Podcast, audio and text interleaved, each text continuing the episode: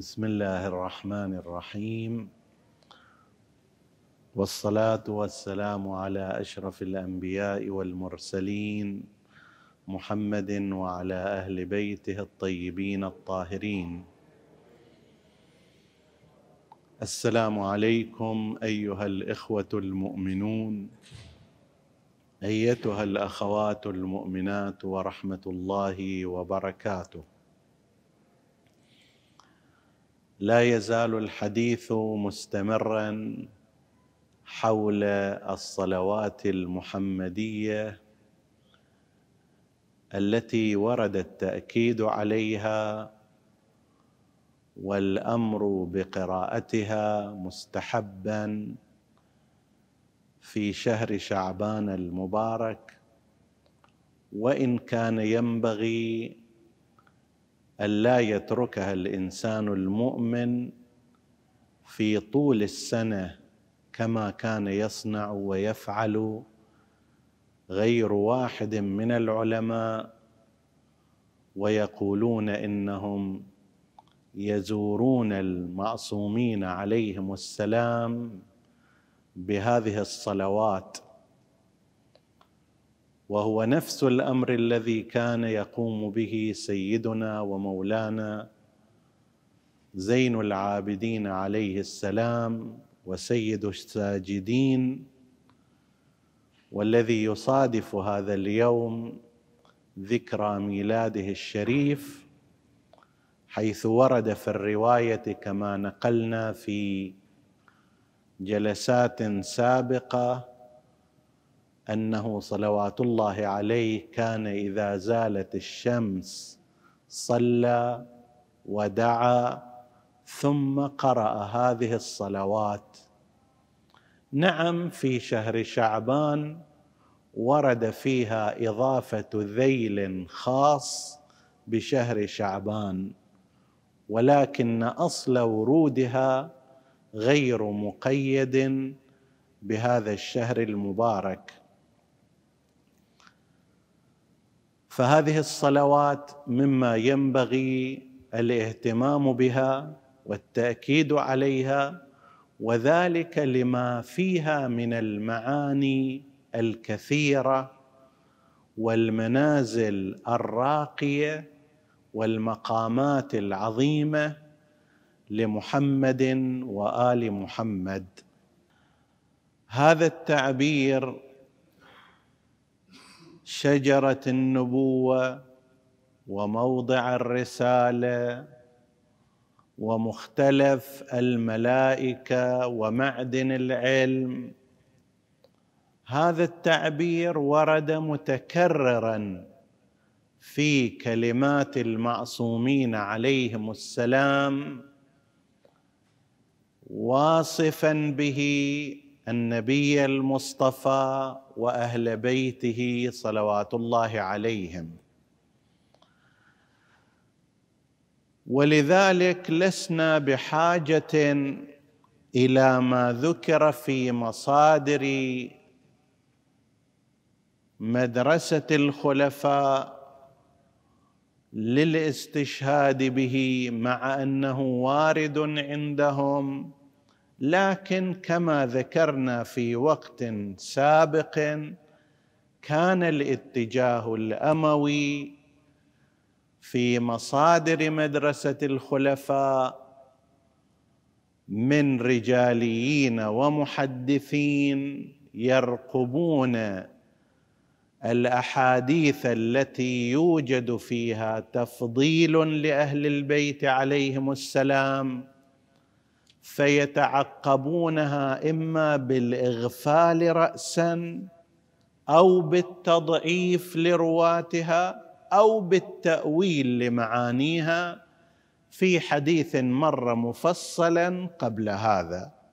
ولذلك عندما مروا على مثل هذه الرواية التي وردت في أكثر من مصدر من المصادر عندهم نحن آل محمد.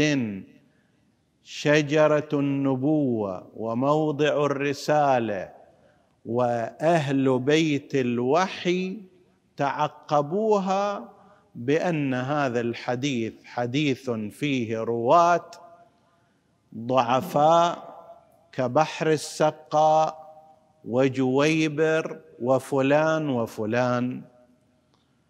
نحن أساسا لسنا بحاجة للاستشهاد بذلك الجانب لأن هذا هذا التعبير ورد مكررا في أحاديث المعصومين عليهم السلام وإليك بعض ما جاء أو وإليك بعض ما جاء في كلمات المعصومين عليهم السلام. في نهج البلاغة تحدث الإمام أمير المؤمنين عليه السلام عن رسول الله صلى الله عليه وآله فقال حتى أفضت كرامة الله سبحانه وتعالى إلى محمد.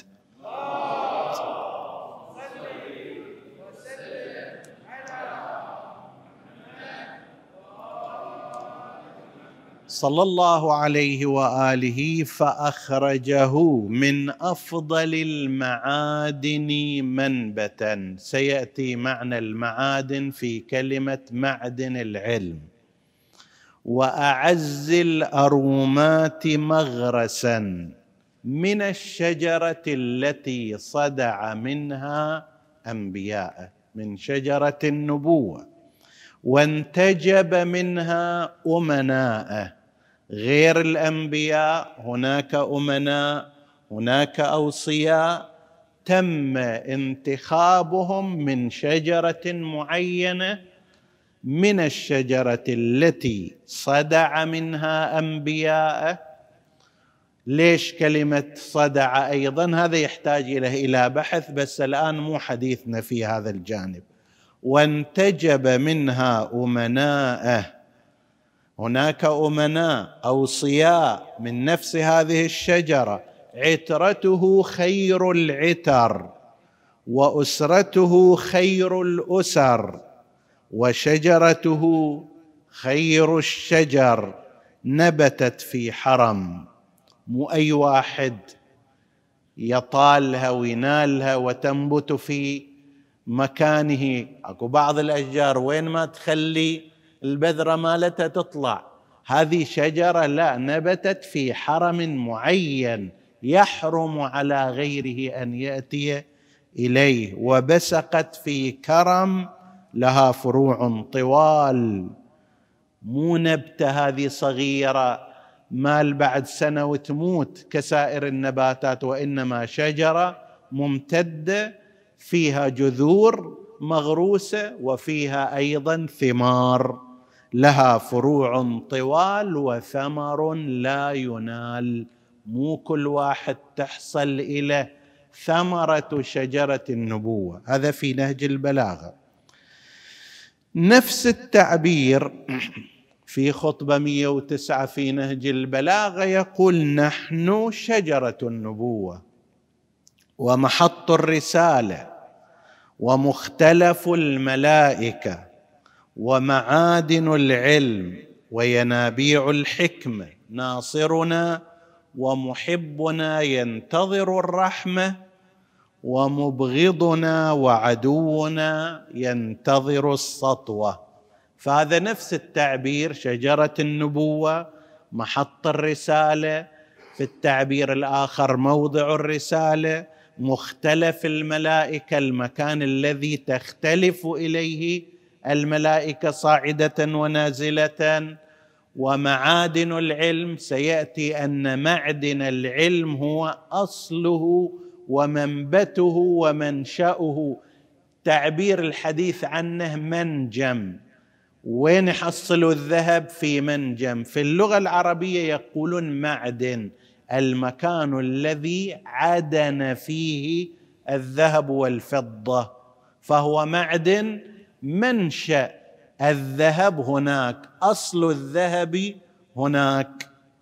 هنا أصل العلم منشأ العلم مركز العلم في هذه النقطة.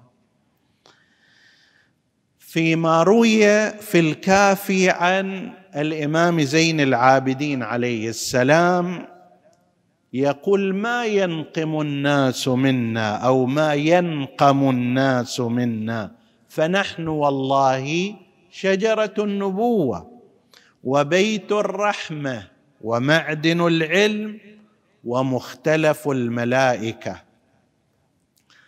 في الحديث عن الإمام الباقر عليه السلام قال نحن شجرة النبوة ومنبت الرحمة ومعدن الحكمة ومصباح العلم وموضع الرسالة ومختلف الملائكة وموضع سر الله. عن الإمام الصادق عليه السلام في الصحيفة الصادقية في الصلوات على النبي وآله يقول وصل على عبادك في أرضك الذين أنقذت بهم من الهلكة وأنرت بهم الظلمة منو هذولا شجرة النبوة وموضع الرسالة ومختلف الملائكة ومعدن العلم صلى الله عليه وعليهم أجمعين.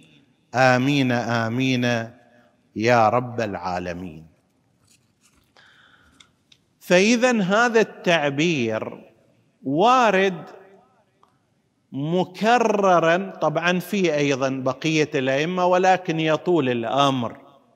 وإنما أوردنا للتمثيل. بل حتى لقد نقل عن مثل الحسن البصري. الحسن البصري غير ممدوح عندنا الإمامية. بل هناك ذم له من قبل أئمتنا عليهم السلام. وإذا صار فرصة يوم من الأيام نتحدث لماذا تم ذمه. هو هذا الحسن بن الحسن البصري يخاطب الإمام الحسن عليه السلام في مسألة القضاء والقدر لأن كانت معضلة بالنسبة إلى غير خط أهل البيت فهم قضية القضاء والقدر. وإلى الآن عند قسم منهم لا يستطيعون أن يوفقوا بين اختيار الإنسان والجبر فيه بين قضاء الله عليه وبين قدر الله فيه. فيسأل الحسن البصري الإمام الحسن عليه السلام في رسالة إليه ويقول أنت من أهل بيت هم شجرة النبوة وموضع الرسالة فأوضح لنا هذا الأمر. فرد عليه الإمام الحسن عليه السلام برسالة توضيحية. أنهم ماذا يقولون هذا كما قلت يعني إنما هو من باب إلزام الخصم وإلا نحن لا نأخذ عقائدنا من مصادر هي في الأساس مبنية على منهج مخالف وفي اعتقادنا مختل وإنما نبني اعتقاداتنا وأفكارنا على ما ورد بطرق وأسانيد صحيحة عن أهل البيت عليهم السلام.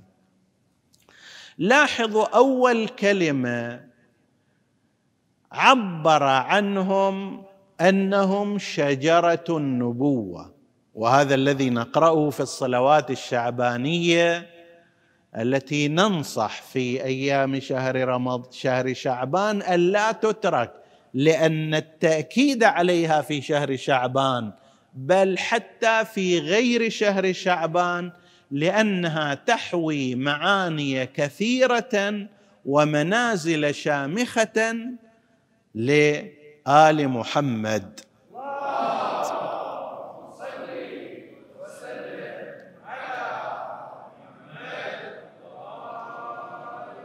شجرة النبوة. تعلمون أن من البلاغه تشبيه المجرد بالمجسد.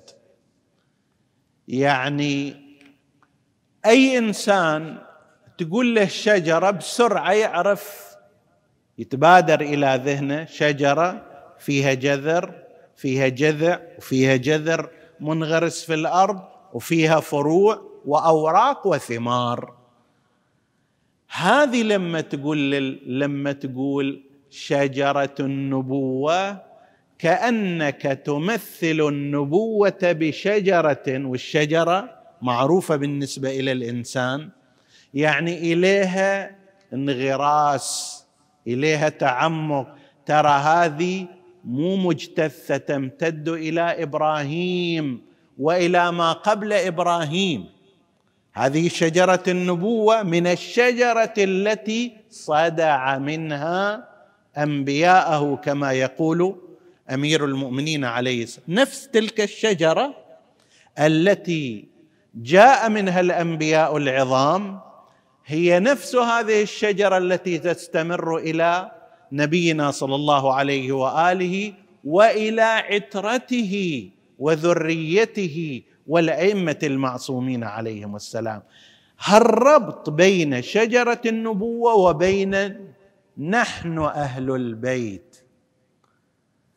نحن أهل بيت النبوة من هذه الشجرة.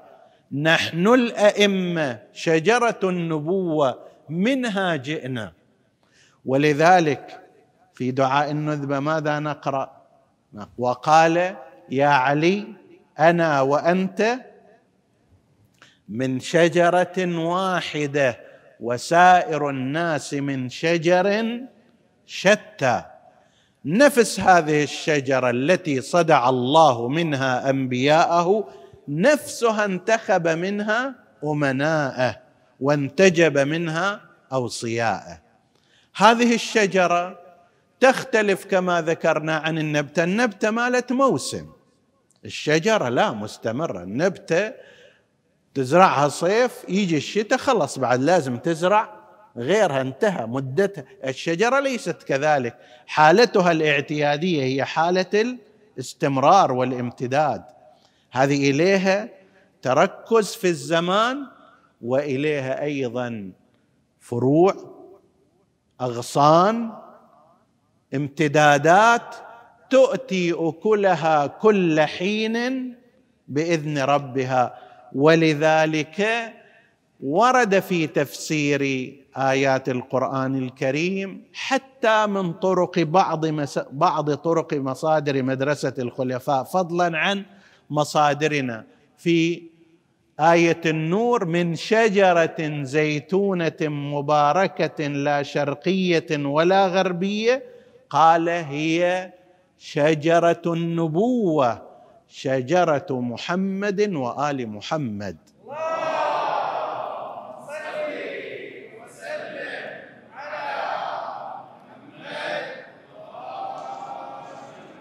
وهكذا في المثال ومثل ضرب الله مثلا كلمة طيبة كشجرة طيبة. أيضا ورد هنا تأويلها بالشجره النبوية. فاولا محمد وآل محمد ليسوا أفرادا متفرقين. ما حد يقدر يقول هذا الكلام بالنسبة إلى نفسه غير أهل أهل بيت النبي صلى الله عليه وآله. ولذلك لما أراد الخط القرشي أن يغلب الأنصار ادعى زورا بأنهم من شجرة رسول الله وهو غير صحيح. الأنصار قالوا إحنا أسسنا وإحنا نصرنا وإحنا آوينا والنبي كان جاء ضد قرشيون أرادوا أن يقتلوه فجاء إحنا احتضناه ونصرناه طيب. فبماذا احتج عليهم أتباع الخط القرشي؟ قالوا محمد من شجرتنا. وهذا كذب مو صحيح. أين تميم؟ وأين تيم؟ وأين عدي؟ وأين كندة؟ وأين كذا؟ هذه شجرة أخرى. لا سيما إذا خصصت بشجرة النبوة. ولذلك من أبسط البديهيات أن حق القرابة المالي والمعنوي لا يشمل الخط القرشي الذي احتج بها. يعني مثلا أبناء قريش من غير بني هاشم ليسوا قرابة رسول الله الذين يحل لهم الخمس. ويجب على المسلمين في حقهم المودة. طيب. لذلك لما جاء بعضهم إلى أمير المؤمنين عليه السلام وسألهم شنو صار؟ قال احتجت قريش بأنهم شجرة رسول الله. فتبسم الإمام قال نعم احتجوا بالشجرة وأضاعوا الثمرة. هؤلاء ليسوا ثمار تلك الشجرة. ثمار أشجار شتى. لازم يجون ياخذون الثمرة التي هي ترجع إلى شجرة النبوة. نحن شجرة النبوة وموضع الرسالة. الرسالة بمعنى التشريع.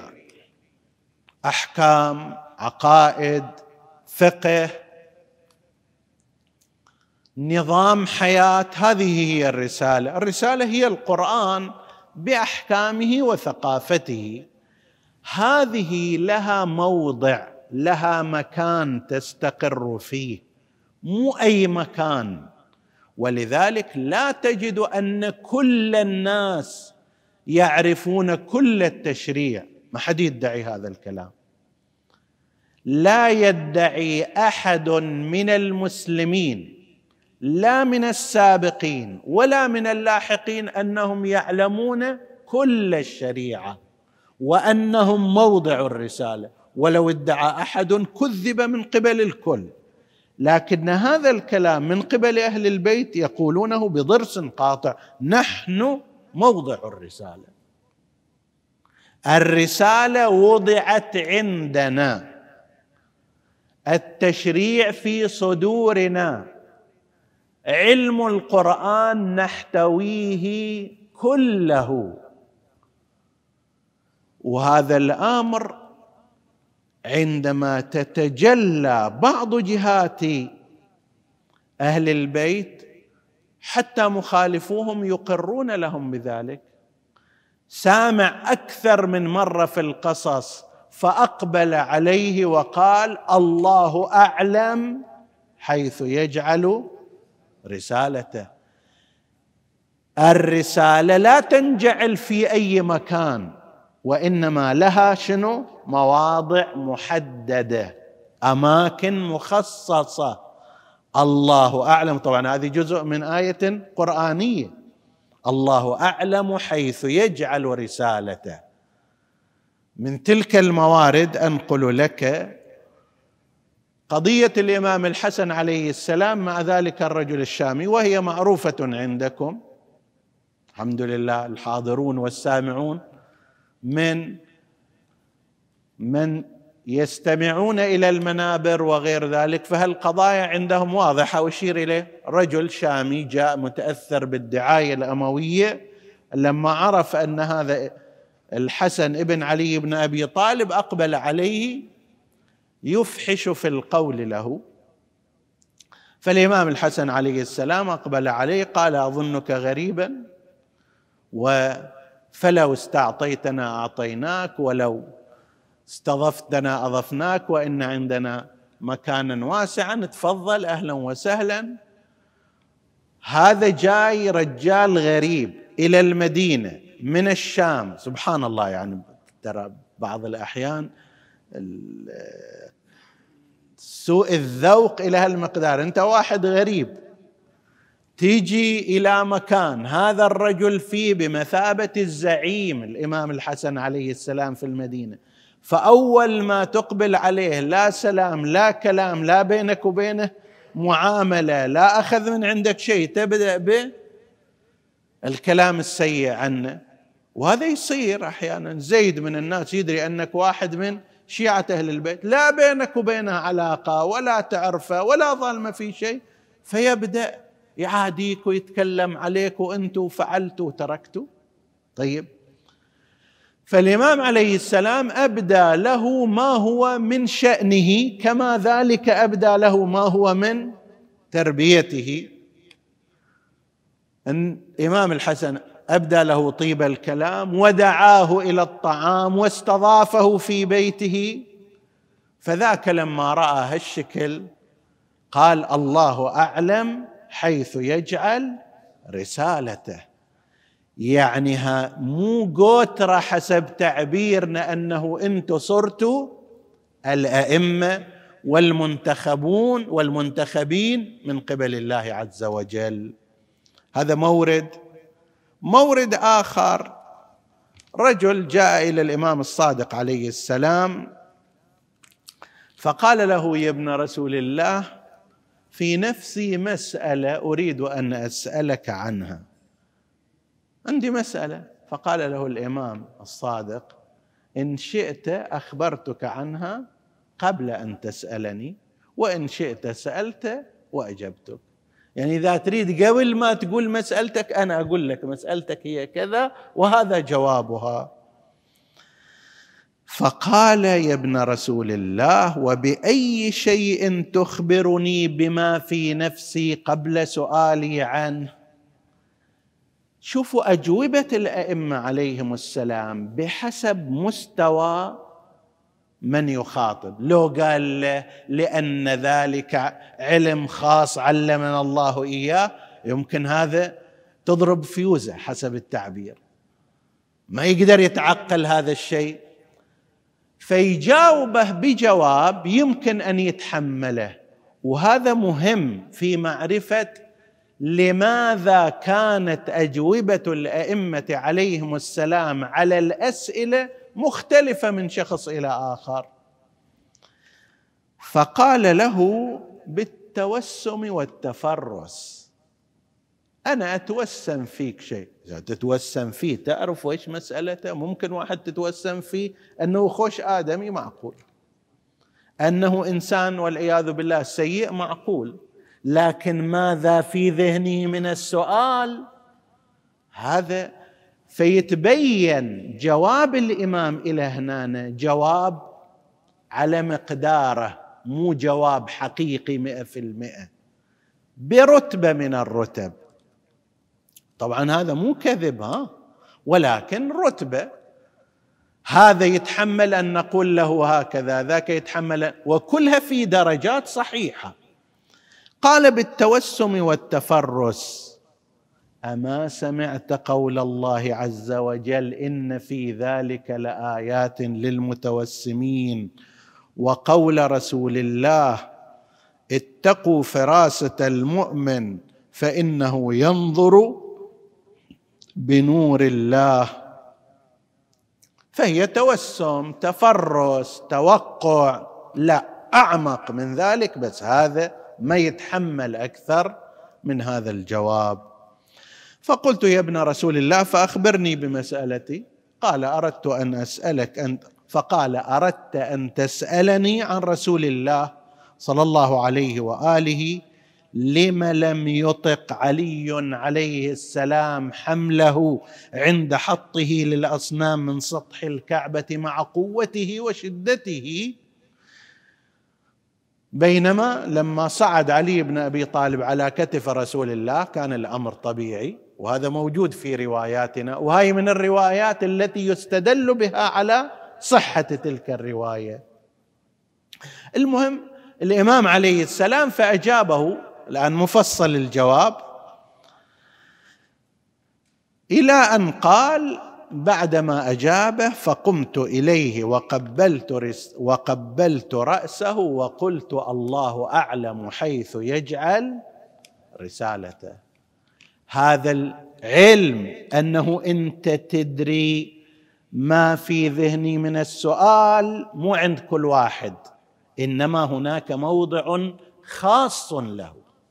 أن تدري ليش علي لم يتحمل و النبي تحمل وتجاوب مو مو باعتبار أتوقع وأحتمل ويمكن لا جواب يقيني هذا مو عند كل أحد وإنما الله أعلم حيث يجعل رسالته. هذا الحيث والمكان وأين؟ مكان خاص. ومثل ذلك ما حدث مر عليكم قبل أيام.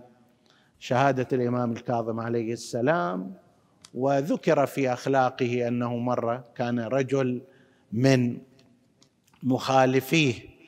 يذم الإمام ويشتمه واراد أصحاب الإمام أن يعاقبوه فنهاهم عن ذلك وذهب إلى مزرعته وذاك خبص الدنيا خربت مزرعتي وما أدري كذا إلى أن الإمام بطيب الكلام قال له كم ترجو؟ قال ما أدري ما أعلم الغيب إيش مدريني كم أرجو منه؟ كم صرفت عليه؟ قال كذا كم ترجو؟ قال ما أدري عنه فأعطاه الإمام عليه السلام ما صرف وما كان يرجو من ربح.